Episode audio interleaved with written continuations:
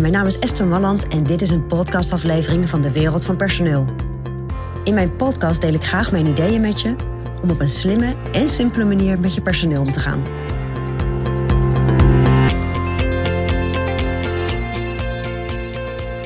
Je hebt wellicht iemand in je team, in je groep met medewerkers, die af en toe wat raar gedrag vertoont.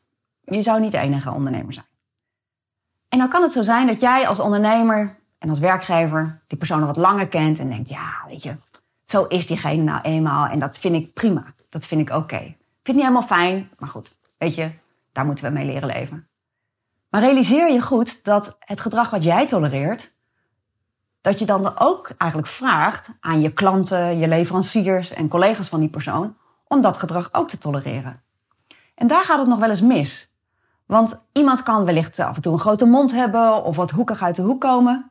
Dat is trouwens een mooie, wat hoekig uit de hoek. Maar goed, iemand kan zich wat raar gedragen en dat kan jij dan wel oké vinden. Maar dat kan toch een, een wat negatievere uitwerking hebben op misschien de teamsfeer of op de klantrelatie of de relatie met een leverancier. Dus bedenk wie in jouw team, wie van jouw medewerkers vertoont bepaald gedrag waarvan jij denkt, nou het kan wel, maar als je heel eerlijk bent, weet je dat het eigenlijk niet kan.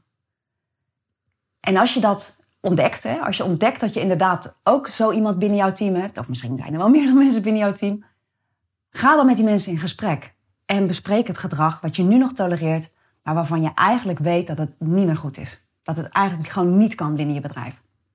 En niet alleen omdat, omdat jij het dus eigenlijk ook niet zo goed vindt, maar omdat het gewoon een negatief effect kan hebben op andere relaties die die persoon vanuit jouw bedrijf met, uh, met, met mensen heeft, met klanten, met leveranciers of met, uh, met collega's.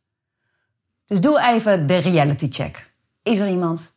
Ga in gesprek en zorg dat het gedrag wat je nu nog tolereert, dat dat toch gaat veranderen. Want dat is belangrijk. Ook voor de sfeer en de relaties die die persoon heeft. Nou, dat is mijn persoonlijk advies vanuit de wereld van personeel.